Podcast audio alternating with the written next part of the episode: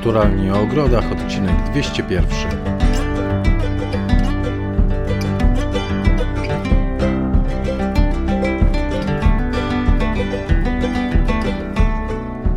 Naturalnie o ogrodach Katarzyna Bellingham, Jacek Naliwajek. Dzień dobry Katarzyno w 201 odcinku. Dzień dobry Jacku, w 201 odcinku. Bardzo to jest ekscytujące, naprawdę, również no, dla mnie. Trzecią setkę zaczęliśmy, wiesz. O, jak to brzmi. 300 będzie. No. no. mam nadzieję, że będzie 300, 400. Będziemy wszyscy razem, e, e, krok po kroku, rok po roku te podcasty nagrywać i słuchać i spotykać się i cieszyć się wspólnie nimi. Aha. E, dobrze, Katarzyno, to w takim razie mm, chciałbym, żebyśmy mówili o e, październiku w ogrodzie ekologicznym. Mhm. Październik w ogrodzie ekologicznym i będziemy mówić pewnie o wielu rzeczach, które się teraz e, robi w październiku. Sadzenie, choćby roślin cebulowych, czy innego rodzaju e, działania, które podejmujemy. Ale, ale patrzymy za okno i co widzimy? No akurat dzisiaj, kiedy nagrywamy to na Pomorzu rano i w nocy strasznie wiało, bo nagrywamy tak. to w środę.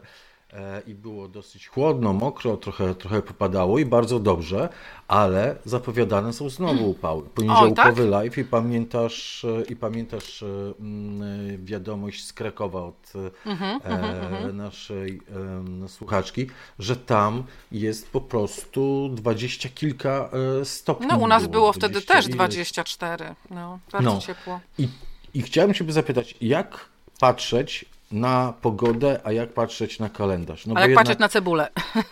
A jak patrzeć na cebulę, bo jednak trzeba myśleć o tym, co dzieje się za oknem, jaka jest pogoda mhm. i jak jest napisane na cebulkach e, tulipanów, sadzić we wrześniu i październiku, mhm. no to no nie, w tym roku nie. No dobrze, no jeżeli chodzi faktycznie o to sadzenie cebul, to trzeba może pamiętać jedną taką zasadę. Jak zawsze tulipany się wyłamują, tak? Jak zawsze tulipany to są te podejrzane e, rośliny, które trzeba traktować troszeczkę inaczej. I szkoda byłoby źle je traktować, dlatego że przecież są drogie i są piękne i są tak bardzo e, pożądane przez nas na wiosnę. W związku z tym, słuchajcie, tulipany trzeba sadzić jak najpóźniej. I dlaczego? Dlatego, że jak jest ciepło, to nadal rozwijają się choroby grzybowe, które mogą zaatakować cebulki tulipana i przez to one później mogą albo zgnić podczas zimy e, czy wczesnej wiosny, albo po prostu nawet mogą wypuścić młode liście, ale będą już chore, choroby, będą miały choroby grzybowe i będą albo źle, źle wyglądały, albo po prostu wyjdą liście i później też zgniją. Także słuchajcie, tulipany staramy się sadzić jako ostatnie rośliny cebulowe kwitnące na wiosnę jesienią. I tak jak mówisz Jacku, to nie jest tak, że jest jakiś przepis, że zawsze się śmiejemy, że lawenda to 888, czy powiedzmy bukszpan 23 czerwca do cięcia.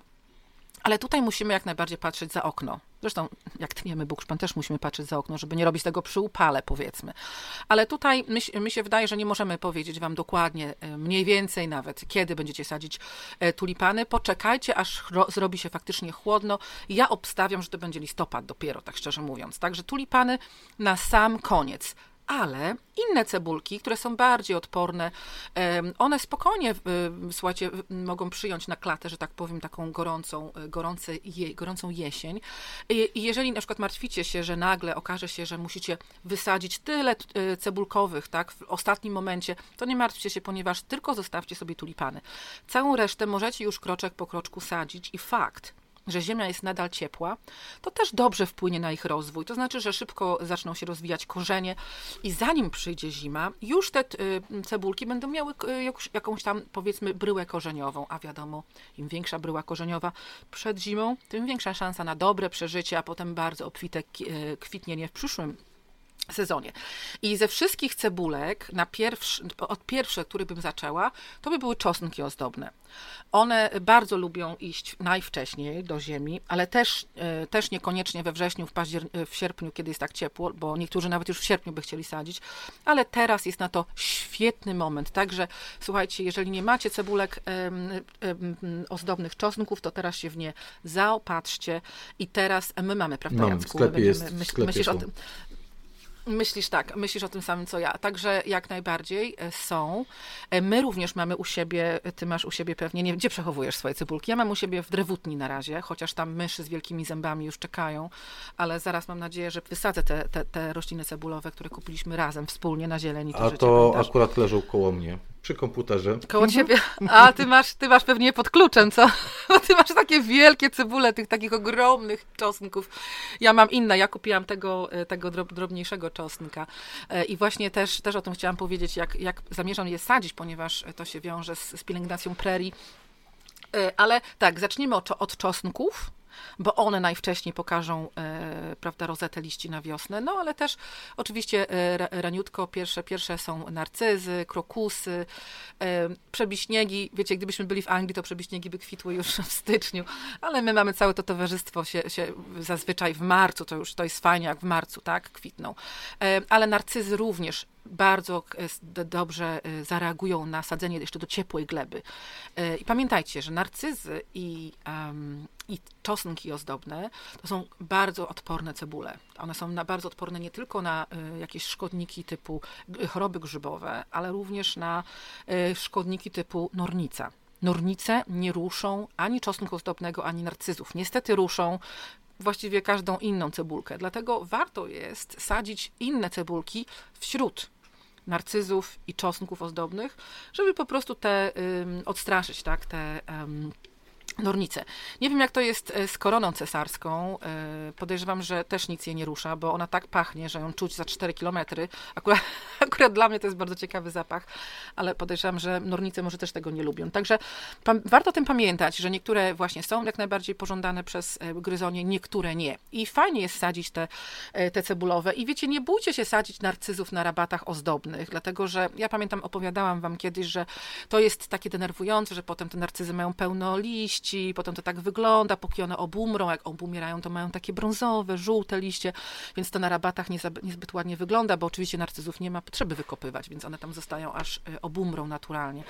Ale tak naprawdę to też można ogarnąć na przykład przez sadzenie troszkę niższych y, odmian, a niekoniecznie takich, co potem mają wielkie liście tych narcyzów i na przykład podsadzanie nimi innych roślin. Otóż to właśnie to jest istotne to, co mówisz, że żeby pamiętać o tym, że tak jak, nie wiem, krokusik, no to szybko e, przekwitnie i jest niewielki i go nie będzie widać, szybko zostanie zarośnięty, że cząstki ozdobne no to mają takie delikatne listki, które szybko też usychają i tylko główki potem sterczą e, pięknie e, kwitnące a narcyzy, czy nawet tulipany, bo część osób może chcieć sadzić tulipany botaniczne, no to po przekwitnięciu są te liście, które powoli zasychają i które nie są zbyt e, ładne. I ważne jest to, żeby je wkomponować w całość, tak? jeśli stosujemy, żeby nie, nie, nie rosły gdzieś przy brzegu tulipany botaniczne, E, same gołe, bez e, ochrony innych e,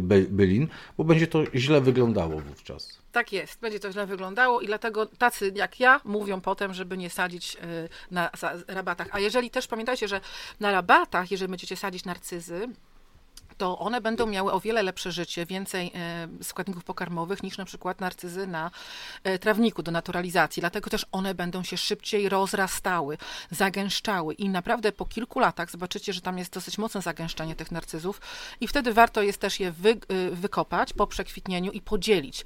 Dlatego, że po pierwsze takie kępy są ogromne i to, tak jak mówisz, źle wygląda później po przekwitnieniu, a po drugie takie zagęszczone narcyzy potem słabiej kwitną. Katarzyno, ale widzisz, jak już mówimy o tych cebulkach, to też powiedzmy, że październik jest e, dobrym czasem na założenie po prostu rabaty ozdobnej.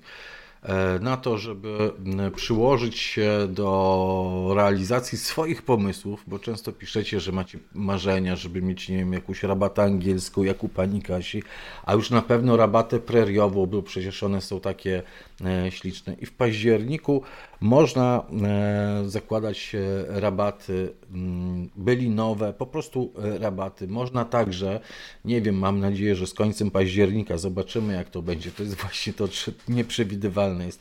Będzie już e, można e, sadzić wiele roślin z gołym korzeniem, e, mhm. że, że już będzie ten końcówka października, początek listopada tym dobrym terminem do sadzenia czy krzewów, czy drzewek, czy w ogóle innych róż chociażby, to są krzewy, tak, z gołym korzeniem, ale w październiku zakładamy też te właśnie rabaty ozdobne.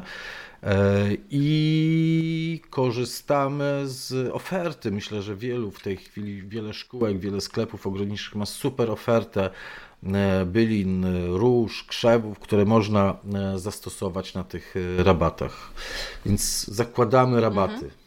Tak, ja, ja widzę, że bardzo często mamy takie pytania podczas live'ów, czy w ogóle jak tutaj jestem i ktoś do mnie podchodzi, powiedzmy w ogrodzie po, o, po oprowadzaniu, pytacie się, czy teraz można sadzić coś. Słuchajcie, no właśnie teraz można sadzić coś. Teraz to jest ten moment, kiedy naprawdę ziemia jest ciepła, po sezonie, tak? Czyli zobaczcie, ziemia jest ciepła, ale nad ziemią, e, no teoretycznie powinno już być chłodniej. W związku z tym też jest więcej wilgoci w powietrzu, więc to są najlepsze warunki dla sadzenia roślin. Czy to są byliny, czy to są krzewy, cokolwiek generalnie jest z doniczki, możecie teraz sadzić, a pod koniec miesiąca, tak jak Jacek mówi, już będą prawdopodobnie sprzedaży rośliny z odkrytym korzeniem i też z tego korzystajcie, ponieważ te rośliny bardzo szybko i bardzo dobrze się przyjmują. oczywiście biorąc, no musimy założyć, że są dobrze posadzone i też są dobrze transportowane pomiędzy miejscem, gdzie były kupione, a pomiędzy miejscem, gdzie y, będą posadzone, tak? Bo nie możecie zostawić powiedzmy korzeń otwarty na kilka dni, musicie zabezpieczyć go podczas transportu najlepiej w jakimś worku, tak, żeby nie wysechł. No i potem jak przyjedziecie do domu, do ogrodu, to zamoczyć takie korzenie, tak, namoczyć zanim one będą do, gotowe, do, gotowe do posadzenia. Także teraz właśnie jest ten moment, nie wrzesień, teraz jest ten moment, żeby sadzić E, byliny, żeby sadzić krzewy, drzewa. Pod koniec sezonu, e, pod koniec, przepraszam, miesiąca e, owocowe krzewy, owocowe drzewa, róże z odkrytym korzeniem. Pamiętajcie, zawsze warto z odkrytym korzeniem. U Ciebie w sklepie widziałem e, chociażby, bo e, zastanawiam się nad tą różą Chopin, bo naczytałem się wiele dobrych e, opinii, tylko muszę znaleźć miejsce, bo to jest róża wielkokwiatowa, taka wysoko rosnąca, silnie rosnąca, odważna roślina i wytrwała. Super, dobrze, taka mi potrzebna. Róża. Tak, to, to proszę bardzo. I ona jest w E, kapersach, mm, czyli w, e, te korzenie są otoczone materiałem, mm -hmm, materiałem. No, to jest luksus, to jest generalnie, to jest luksus, szczerze mówiąc, dlatego, że ten korzeń wtedy nie jest, jest e, tak, nie jest, nie ma takiego mm, no, niebezpieczeństwa, że on wyschnie, prawda? Jeżeli kupujemy, tak jak mówię, coś e, nawet przez internet, bardzo często, no to jest, wiadomo, jeżeli kupujemy grab lub bóg na żywopłot, to raczej się nic nie stanie, jeżeli no faktycznie tam nie będzie już liść, jeżeli ta roślina będzie w spoczynku. Jeżeli nie będzie w żadnym balocie, to wtedy już w takim balocie się sprzedaje większe buki, na przykład e, już takie jakieś szpalerowe e, na kilka metrów, tam tysiące grube. Ale e, jeżeli można kupić róże w takim, w takim opakowaniu, że tak powiem, korzenia, no to naprawdę jest o wiele lepsza niż taka róża po prostu, którą, z którą maszerujemy, która jest całkowicie ma otwarty korzeń, bo zawsze się wysuszy jednak. Nie pamiętajcie, że korzeń jest niesamowicie delikatny. Tam jest dużo kawałeczków, które mogą łatwo odpaść, odłamać się, dlatego że nie cały korzeń jest taką twardą, twardy, tak, no, dużo jest takich kawałeczków bardzo, takich, no, nazywają się włoskowate, tak, no, bo to są delikatne y, korzonki. Także to wszystko, to wszystko jest najlepiej, jeżeli faktycznie w takim balocie, ale teraz też. Ale nie, Kasiu, ja chciałbym, no. przepraszam, zatrzymać się przy różach. E, jak sadzić różę? Na jakiej głębokości się sadzi e, różę? I jak, jak dobrze ją posadzić? Weź, weź powiedz, proszę. Jak głęboko? Czy głębiej niż rosły? Czy, czy uważać na to miejsce szczepienia? Czy je przykryć gdzieś to miejsce szczepienia pod ziemią? Czy ma być nad ziemią? Ojejku, najważniejsze jest, żeby różę jednak posadzić głębiej raczej. Mamy taką tendencję do sadzenia w ogóle wszystkiego za płytko dlatego musimy ją posadzić raczej głębiej niż, niż, niż płycej, dlatego że później ta ziemia zawsze osiada. I potem zobaczycie, że będziecie prawdopodobnie mieli ją dokładnie na tym miejscu właśnie szczepienia, e, ale bardzo często ja widzę róże, które niestety mają wystawione e, korzenie, wręcz korzenie są jakby na, na zewnątrz, na, u góry, także zawsze musicie dać e, szansę ziemi opaść, tak, bo ziemia jest pulchna przecież jak sadzicie, więc raczej głębiej niż, niż płycej, to jest ważne. I właśnie mi się wydaje, że ludzie się strasznie boją sadzenia troszkę, troszeczkę głębiej i potem są te problemy z tymi różami, które tak się bujają na, na korzeniu. Także pamiętajcie o tym, przecież róże świetnie znoszą e, kopczykowania, to jest -hmm. na, na, o wiele wyżej niż miejsce szczepienia, więc naprawdę takim rzeczami się w ogóle nie martwcie.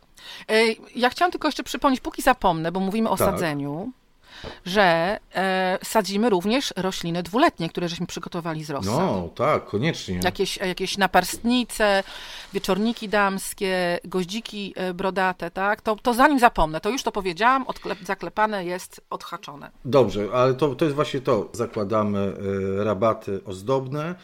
E, na rabatach ozdobnych nie wiem, myślę, że jeszcze, chyba że przejdą przymrozki, to będziemy usuwali część roślin, ale patrząc na ten październik, to Wam powiemy po prostu w trakcie y, października w jakimś podcaście czy na live powiemy Wam, o już trzeba usuwać, nie wiem, dalie, bo przeszły y, mhm. przymrozki. Ale na razie ja nie ja myślę, że w tym roku to one naprawdę do końca października będą mhm. ładnie kwitły i że nic nam tutaj się nie wydarzy tak. takiego, że trzeba będzie te dalie wcześniej usuwać. No, niech dalie będą takim przykładem, tak? w tym sensie, że oczywiście jest więcej roślin, e, o które warto e, zadbać, ale niech dalie będą takim właśnie wzorcem. Tak, dalie e, jak najbardziej, dalie są takim wzorcem, jeżeli chodzi o rabaty, ale ja właśnie pisałam, wysyłałam parę dni temu newsletter do moich patronów i opisywałam właśnie, że dokładnie to, co mówisz, że, że wydaje mi się, że my w Gorzałam nie będziemy w ogóle tak naprawdę robić jakichś większych oczyszczeń i robót, że tak powiem, ziemnych na żadnych rabatach. I że pierwszą rzeczą, którą prawdopodobnie zaczniemy robić pod koniec miesiąca, podejrzewam, to, będą, to będzie oczyszczanie tunelu oczyszczanie tunelu z, z, z, pomidorów, z bakłażanów, z bazylii, dlatego że wszystko jeszcze świetnie wygląda. Wprawdzie może one już nie mają nowych owoców, ale dochodzą, zjadamy je, są zielone liście. Wiecie, dla gleby też jest dobrze, że coś, jakieś korzenie żywe są w tej glebie. Nie ma co tak za szybko oczyszczać. I to samo, jeżeli chodzi o dynię. Ja widzę, że bardzo dużo ludzi zaczyna zbierać dynie, już układać, ale naprawdę nie musicie, jeżeli macie taką potrzebę, ponieważ powiedzmy zniszczyło się, no myśmy tutaj y, chcieli żywopłoty i niektóre dynie były na żywopłocie, więc musieliśmy je zdjąć i wtedy musieliśmy je przyciąć i y, zebrać i te, te dynie, ale tak naprawdę to czekamy do końca miesiąca ze zbiorem dyń. Pomimo tego, że liście nie umrą na mrozie, ponieważ tego mrozu jeszcze nie ma w tym miesiącu, y, ewentualnie może, może będą przymrozki, ale one i tak chorują te liście, bo to one są blisko gleby, one te choroby odglebowe je załatwiają, one brzydko wyglądają, więc możecie je spokojnie obcinać. Jeżeli was denerwują takie brzydkie liście dyń, to po prostu je obcinajcie. I tym samym, od, wiecie, odkryjecie też światło, odkryjecie te dynie, więc wspomożecie dynie, dyniom dojrzewanie na, na słońcu. Także nie, nie bójcie się zostawiać dyni w ogrodzie do końca, e, aż do samego końca, dlatego że tak naprawdę powinny być zbierane w drugiej połowie października, jak jest e, ładna, e, sucha pogoda, potem troszeczkę jeszcze przesuszane gdzieś tam e, w jakimś takim miejscu ciepłym, słonecznym i dopiero potem chowane do, do spiżarni na zimę, tak? Ale nie ma sensu jeszcze ich zbierać. Ja mówię wam, zostawiajcie rośliny w ziemi jak najdłużej, dlatego że to dobrze wpływa na mikroorganizmy w glebie. Jak są korzenie, to jest życie. No i Kasia sprytnie przeskoczyła, widzicie, do ogrodu użytkowego, a ja chciałem jeszcze tylko przy tej, bo ja na przykład swoją szklarnię już oczyściłem. U mnie zostało niewiele pomidorów, e, chyba z, no bo ty się nudzisz. z 18, z 18 pomidorów, takich lekko pod, podbarwionych. E, e, zebrałem, usunąłem, przygotowałem szklarnię. Teraz będę wysadzał sałatę, którą jeszcze pewnie w listopadzie będę zbierał. No, ja miałam miejsce na sałatę, więc tutaj no, wiesz, ja ci, ja ci, ja, ja, ci, ja ci wy, wy tutaj zdaję zwolnienie lekarskie, dlatego że skoro ty chciałeś zdobyć miejsce na wysadzenie innego plonu, no to masz jakieś inne teraz korzonki tam. No tak, tak, tak. To, no, to ja mam, ja tam sałaty wbiłam. Ale Kasia, ja jeszcze przepraszam, ale wrócę na tą rabatę e, e, ozdobną wróć, przez wróć, moment. E, może wykorzystam jak gdyby pretekst, że szklarnia jest zwolniona albo że tunel twój jest tak duży. Na tej rabacie ozdobnej, kochani, to jest też czas, październik, na to, żeby pomyśleć o tym, żeby zaszczepić, zaszczepić sadzonkować, sadzonkować mhm. te byliny, o których my często mówimy, które są prześliczne, piękne, ale w polskich warunkach mogą nie przeżyć albo najczęściej nie przeżywają e, zimy. Choćby te szałwie amistad, koniecznie, choćby e, bazylie e, krzewiaste, pelargonie, które oczywiście można przechowywać przez zimę, ale można teraz także posadzonkować i posadzić w doniczkach i przechować je w domu i mieć wiosną swoje własne sadzonki. Więc to jest czas sadzonkowania tych roślin, które chcecie mieć w przyszłym roku na rabatach ozdobnych, w donicach. Niekoniecznie chcecie kupować albo mniej kupić, bo będziecie mieć trochę swoich. Już teraz pobieracie sadzonki z tych bazylii, z tych szałwi, z pelargonii, robicie je w doniczkach P9. Pamiętajcie, że nie potrzeba żadnego wielkiego, ciężkiego kompostu, żeby się one ukorzeniły, że potrzeba po prostu trochę jakiegoś zwykłego podłoża, trochę zmieszanego ze żwirkiem i i wystarczy to, żeby one się e, ukorzeniły. Potem będziemy e, przesadzać te rośliny e, do lepszej ziemi, do lepszego podłoża, kiedy będą mhm. stały już na naszych to parapetach. To prawda.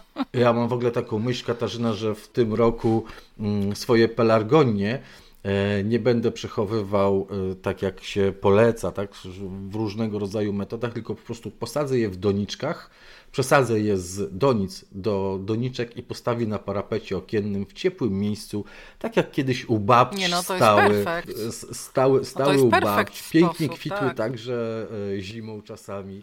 No to niech, niech będą takie pelargonie u mnie w domu. Ja się zgadzam, ja, no ja w ten sposób też właśnie moje e, tutaj trzymam, ale ja mam taki problem, że ja mam za mało parapetów, a za dużo pelargonii. Ja teraz mam tak pięknie, słuchajcie, w tej oranżerii na dole, e, w, do, w dolnym ogrodzie, nareszcie te pelargonie zaczynają kwitnąć ładnie. Jest taki fajny klimacik tam, chociaż niedługo za, musimy ją karczerem porządnie, że tak powiem, potraktować, ponieważ niedługo zostaniemy zasypani liśćmi z brzozy, ale to też jest przepiękne, to też ma taki klimat.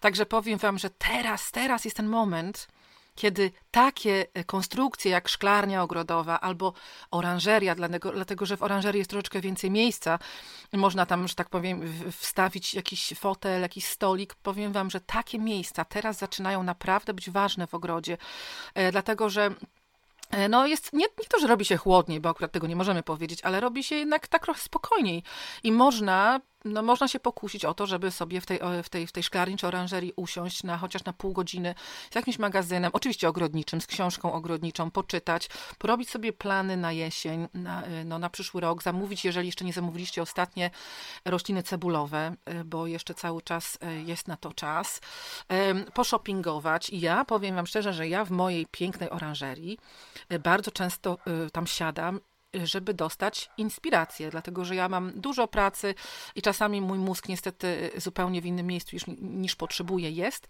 I jak tylko potrzebuję inspiracji, żeby coś pisać, jakiś tekst, czy newsletter, właśnie co teraz pisałam do patronów, czy, czy książkę oczywiście, to wystarczy, że usiądę w tej, w tej, w tej ranżerii na sekundę i po prostu posłucham tych, tych, tych drzew dookoła, popatrzę, co się dzieje dookoła i zaraz przychodzi mi taka inspiracja, że wtedy aż za dużo mam tego w głowie. Także zadbajcie o to, żebyście i wy mieli w ogrodzie u siebie takie miejsce, gdzie możecie się wyciszyć. Jacku, wspomniałaś o kompoście i to jest bardzo dobrze, ponieważ naprawdę jest świetny czas na robienie kompostu. Podejrzewam, że wszyscy mają teraz już naprawdę dużo materiału, który można y, spożytkować w dobry sposób. E, I teraz, póki jest jeszcze ciepło, y, po zrobieniu takiej pryzmy, po przygotowaniu jej, po kryciu, zobaczycie, jak szybko nagrzeje się do takiej fajnej temperatury 60, 65 lub nawet 70 stopni, e, dlatego że jest jeszcze ciepło. A później, im będzie dalej w sezonie, powiedzmy będzie listopad, no nawet jeszcze grudzień, bo w grudniu, jak nie ma jakichś wielkich śniegów, a raczej nie ma w dzisiejszych czasach, to nadal można e, robić takie rzeczy jak kompost. Ale oczywiście będzie chłodniej, w związku z tym ta praca mikroorganizmów będzie e, wolniejsza i wasze pryzmy nie będą aż takie wyfikane, jakby były, gdybyście zrobili je teraz w październiku. Także kompost to zapiszcie sobie tak naprawdę na pierwszym miejscu na liście prac na październik. Pewnie jeszcze zaczną opadać liście, więc liście y, zbieramy, ale też pamiętajcie, że liście, liście można zbierać kosiarką razem z tymi źdźbłami trawy, bo to nie będzie, nie wiem czy w październiku będzie oby ostatnie koszenie, Zazwyczaj to było w październiku ostatnie o, koszenie, rośnie, a ona głupi, jak głupia tak. rośnie ta trawa, bo jest wilgotno i ciepło. Teraz, ale jest, y, ale jest super materiałem na kompostownik teraz taka ścięta trawa, prawda? Myśmy, my, ojej, to jest aż śliczne. Katarzyna, a skoro jesteśmy przy kompoście i skoro jesteśmy już y, w tych użytkowych częściach naszego e, ogrodu. To powiedz mi, na czym polega, o co chodzi z tym przygotowaniem gleby, przygotowaniem e, zagonów do zimy? Bo mówimy ściółkować komposty, mówimy o wysiewaniu mm, zielonych nawozów, mówimy też, że można stosować karton do okrywania. O co chodzi tak naprawdę, żeby mm, z tą ochroną gleby przez zimę? Albo na przyszły sezon? No po prostu teraz jest taki okres w roku, kiedy y, te nasze rabaty się, że tak powiem, ogołacają, tak? One po prostu są e, oczyszczane, ponieważ mamy jakieś zbiory w warzywniku. E, oczywiście my tu często Wam opowiadamy, że można bardzo e, fajnie nadal korzystać z warzywnika, ale już nie w takiej mierze, jak oczywiście wcześniej w sezonie. Dlatego jednak te takie puste miejsca w ogrodzie się pojawiają i w warzywnym, i również w ogrodzie ozdobnym, ponieważ będziemy oczyszczali te rabaty takie bardziej tradycyjne, jak tutaj mój ogród angielski, chociaż ja y, mam nadzieję, że jeszcze nie będziemy tego robić w październiku, tak jak mówiliśmy wcześniej. Ale zobaczcie, jeżeli oczyszczacie jakąkolwiek rabatę w ogrodzie, czy jeżeli przygotowujecie jakąkolwiek rabatę w ogrodzie, generalnie chodzi o to, że jak ziemia jest goła, to trzeba ją okryć. Trzeba ją okryć przed zimą z kilku powodów. Po pierwsze, jeżeli wy jej nie okryjecie, to ona się zaraz sama okryje chwastami. To wiadomo, chwasty to po prostu jest naturalny sposób dla gleby, żeby się ochraniać przed elementami zewnętrznymi, przed erozją, przed wiatrami, przed jakimś mocnym deszczem, przed śniegiem, przed e, lodem. Wiecie, no to wszystko teraz będzie się działo niestety, chociaż e, latem też czasami są różne zwariowania, ale latem na tych rabatach są rośliny. W związku z tym te elementy uderzają raczej w te rośliny, a nie w glebę. Teraz gleba będzie goła, więc trzeba ją okryć. To jest pierwsza rzecz. Ochrona taka mechaniczna gleby, faktycznie, żeby ją nie zniszczyć. Dlatego, że może sobie tego nie, nie, nie widzicie, może tego na, tak na gołe, gołym okiem tego nie widać, ale każda taka, taki opad śniegu e, cięższy, każdy taki mocny opad deszczu, e, wiecie, to jest przygniatanie gleby. To jest jakieś e, kompakcja, tak, compaction po angielsku. To jest przygniatanie, uklepywanie gleby i to spra sprawia, że te e, przestrzenie powietrzne w glebie robią się coraz mniejsze, tak? No to jak się chodzi po ziemi, to jest właśnie to samo. Dlatego nie powinno się chodzić po ziemi ziemi, szczególnie jak ona jest mokra. Także to jest bardzo ważne, żeby nie niszczyć jej. A druga sprawa jest taka, że jeżeli e, pozastawimy ziemię taką gołą, no to ona się szybko wyziębi. Jak ona będzie sobie leżała podczas tych wichur zimowych, tych strasznych pogód, e, tych, e, tych śniegów, tej temperatury minusowej, no to ona się szybciutko wyziębi, a to oznacza też, że to niefajnie wpłynie na całe życie, wszystkie mikroorganizmy, na wszystko, co żyje pod naszymi stopami. A jak wiemy, tak jak opowiadałam Wam z Jackiem, tych y, mikroorganizmów pod naszymi stopami jest według naukowców więcej niż tego całego towarzystwa, które jest nad ziemią, tak? Także zadbajmy o to. Zadbajmy o to i zróbmy im dobrze, zróbmy im przyjemnie na zimę.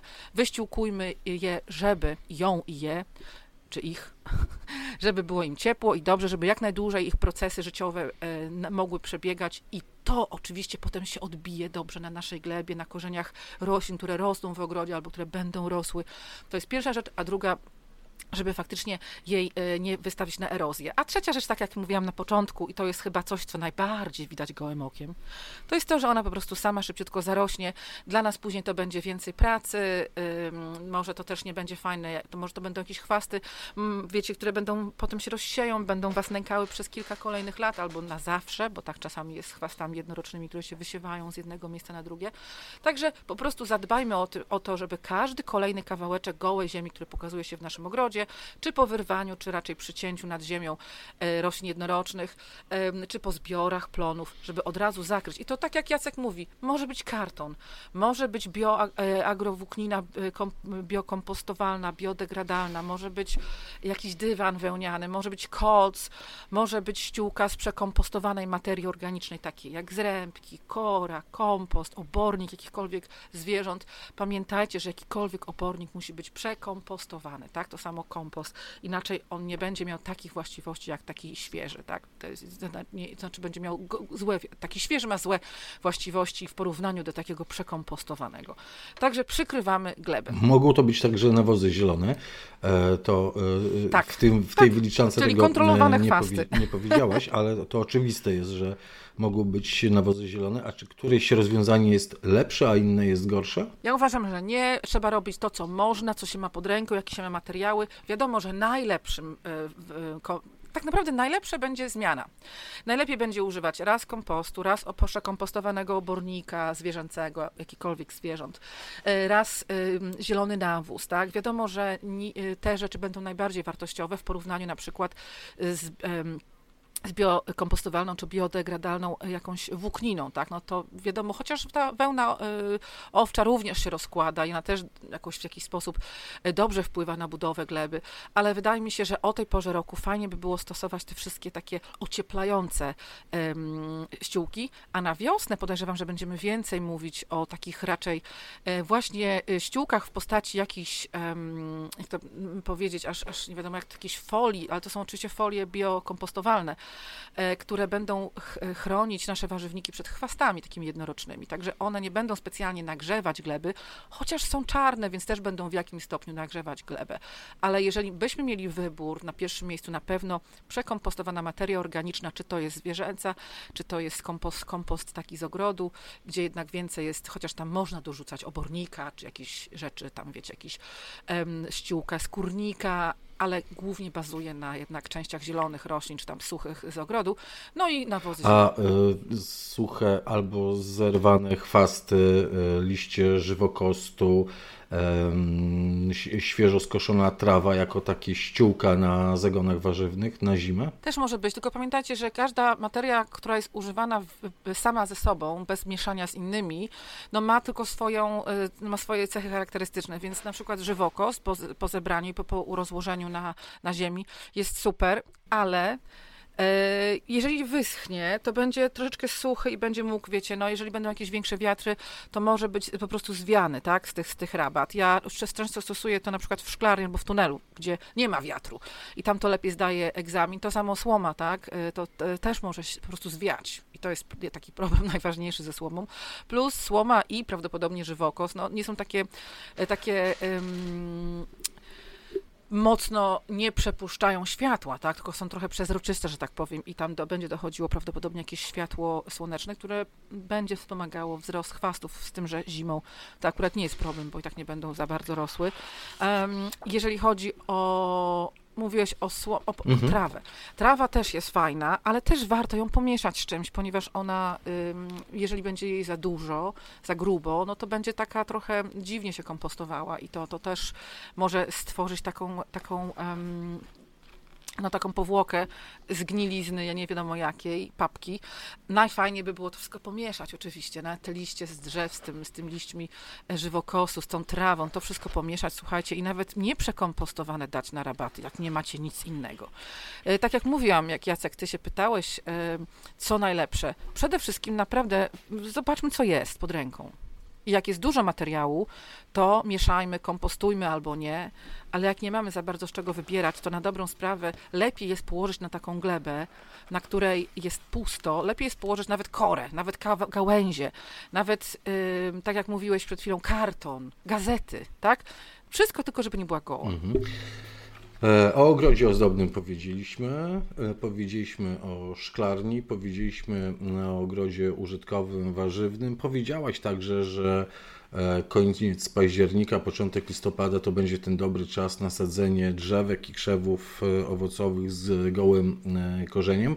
Sadzeniu róż powiedzieliśmy, to jeszcze na samo zakończenie chciałbym, żebyśmy powiedzieli albo tylko przypomnieli, że od 16 października jest czas na czyszczenie budek lęgowych. Także jeżeli macie u siebie budki lęgowe, to e, należałoby je oczyścić, czyli wyciągnąć te stare gniazda, które tam są, chyba że zobaczycie takie uwite z piór mm, i sierści, takie schronienie dla mazurków. To są zimowe schronienia dla mazurków, ale resztę gniazd można usunąć. Mazurki będą tam zimować, ale mm, tam, gdzie mazurek się jeszcze nie zadomowił i nie chce się zadomowić, usuwamy wszystkie gniazda, oczyszczamy starannie te budki, przygotowujemy je do sezonu. Możemy to robić od 16 e, października do końca lutego, więc e, czas jest ale żebyśmy nie zapomnieli o naszych skrzydlatych e, przyjaciołach. I to też dobry czas jest na powieszenie e, budek lęgowych. Zachęcam Was do tego, żebyście teraz nie czekali e, do wiosny albo zimy, żeby wieszać budki lęgowe. Moje doświadczenie w moim ogrodzie, ja mam kilka budek lęgowych, mówi, że w tych budkach lęgowych, nawet oczyszczonych, już pozbawionych gniazd, pozbawionych jakichś tam odchodów, resztek, wyczyszczonych szczotką dokładnie, zimują ptaki, dlatego że wiosną, jak sprawdzam, na z końcem lutego jeszcze raz robię taki przegląd tych budek, jest w niektórych budkach pełno odchodów ptaków. To znaczy, że one przez zimę chronią się w tych budkach i już przyzwyczajają się do tego, że jest takie miejsce do gniazdowania, że jest taka budka lęgowa, że jest taki otwór, w który można wlecieć, posiedzieć i może w przyszłym roku założyć gniazdo. W związku z tym teraz powieszone budki pomogą ptakom no, przetrwać zimę i będą już gotowe do sezonu lęgowego. Jak późną mamy jesień, nie wiemy jaką będziemy mieć wiosnę, bo być może wiecie, już bardzo wcześnie ptaki postanowią zakładać gniazda, zakładać rodziny i składać jajka, rozmnażać się. Więc teraz szykujmy się na ten przyszłoroczny sezon w ptasiej naszej e, przyjaźni, w naszej ptaś, oby kolonii, oby kolonii. U mnie Mazurki się odbudowują, z tego się bardzo cieszę, e, że jest, że jest coraz więcej e, Mazurków. E, Katarzyno, dziękuję Ci bardzo serdecznie. Przypominamy się Państwu zawsze i wszystkim Wam, że do końca października ogród Katarzyny jest w każdą niedzielę otwarty od 11 do 16. Dwie ostatnie, dobrze pamiętam, będą dyniowe, Katarzyno. Tak, dwie ostatnie niedziele. Dwie ostatnie niedziele to będą niedziele dyniowe. Także bardzo, bardzo serdecznie zapraszam, ale z drugiej strony nie nakłaniam do szybkich zbiorów dyń, tak jak mówiliśmy tak. w dzisiejszym podcaście. Poczekajcie do samego końca. To samo z sadzeniem cebul. Może nie wspomnieliśmy, Jacku, ale oczywiście wszyscy wiedzą, bo wszyscy przecież słuchają i live'ów i wszystkiego, ale również sadzimy w warzywniku cebulki o zimę. Cebulę, dymki cebuli o zimę i czosnek. Mam, ja mam w sklepie jedną taką cebulę o zimą, będę tutaj właśnie sadziła już niedługo u siebie na rabatach wzniesionych gdzie mam bardziej przepuszczalną glebę, ale znowu czosnek chyba spróbuję tym razem na dole w warzywniku, bo sarny mi nie wykopią zimą go, nie, nie wyczają, że tam gdzieś jest pod ziemią. Bo no tak, ale z czosnkiem, ale z czosnkiem też jeszcze chwilę e, z, zaczekajmy. No gdzieś tak do połowy października Tak, przypuszczam. do końca, tak, mhm. przynajmniej.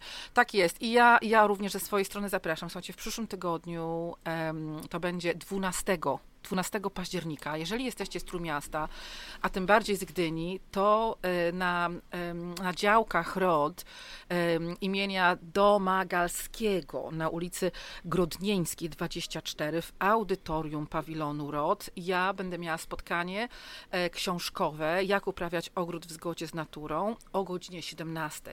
Także 12 października o godzinie 17 w Gdyni zapraszam serdecznie na to.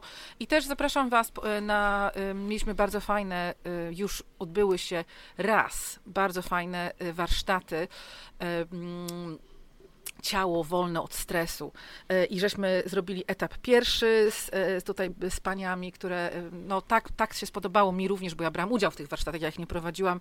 Ja potrzebuję ciała wolnego od stresu, więc brałam udział i mieliśmy pierwszy etap, postanowiliśmy mieć drugi etap, także dziewczyny zapisujcie się na 28 października na etap numer dwa, a te osoby, które by chciały jeszcze raz skorzystać z tego, z tych fantastycznych warsztatów z, Aga, z Agatą Głowacką, która je prowadzi od wielu, wielu, wielu, wielu wielu lat. Jest moją bardzo fajną, starą, w cudzysłowie, koleżanką. 11 listopada, etap pierwszy.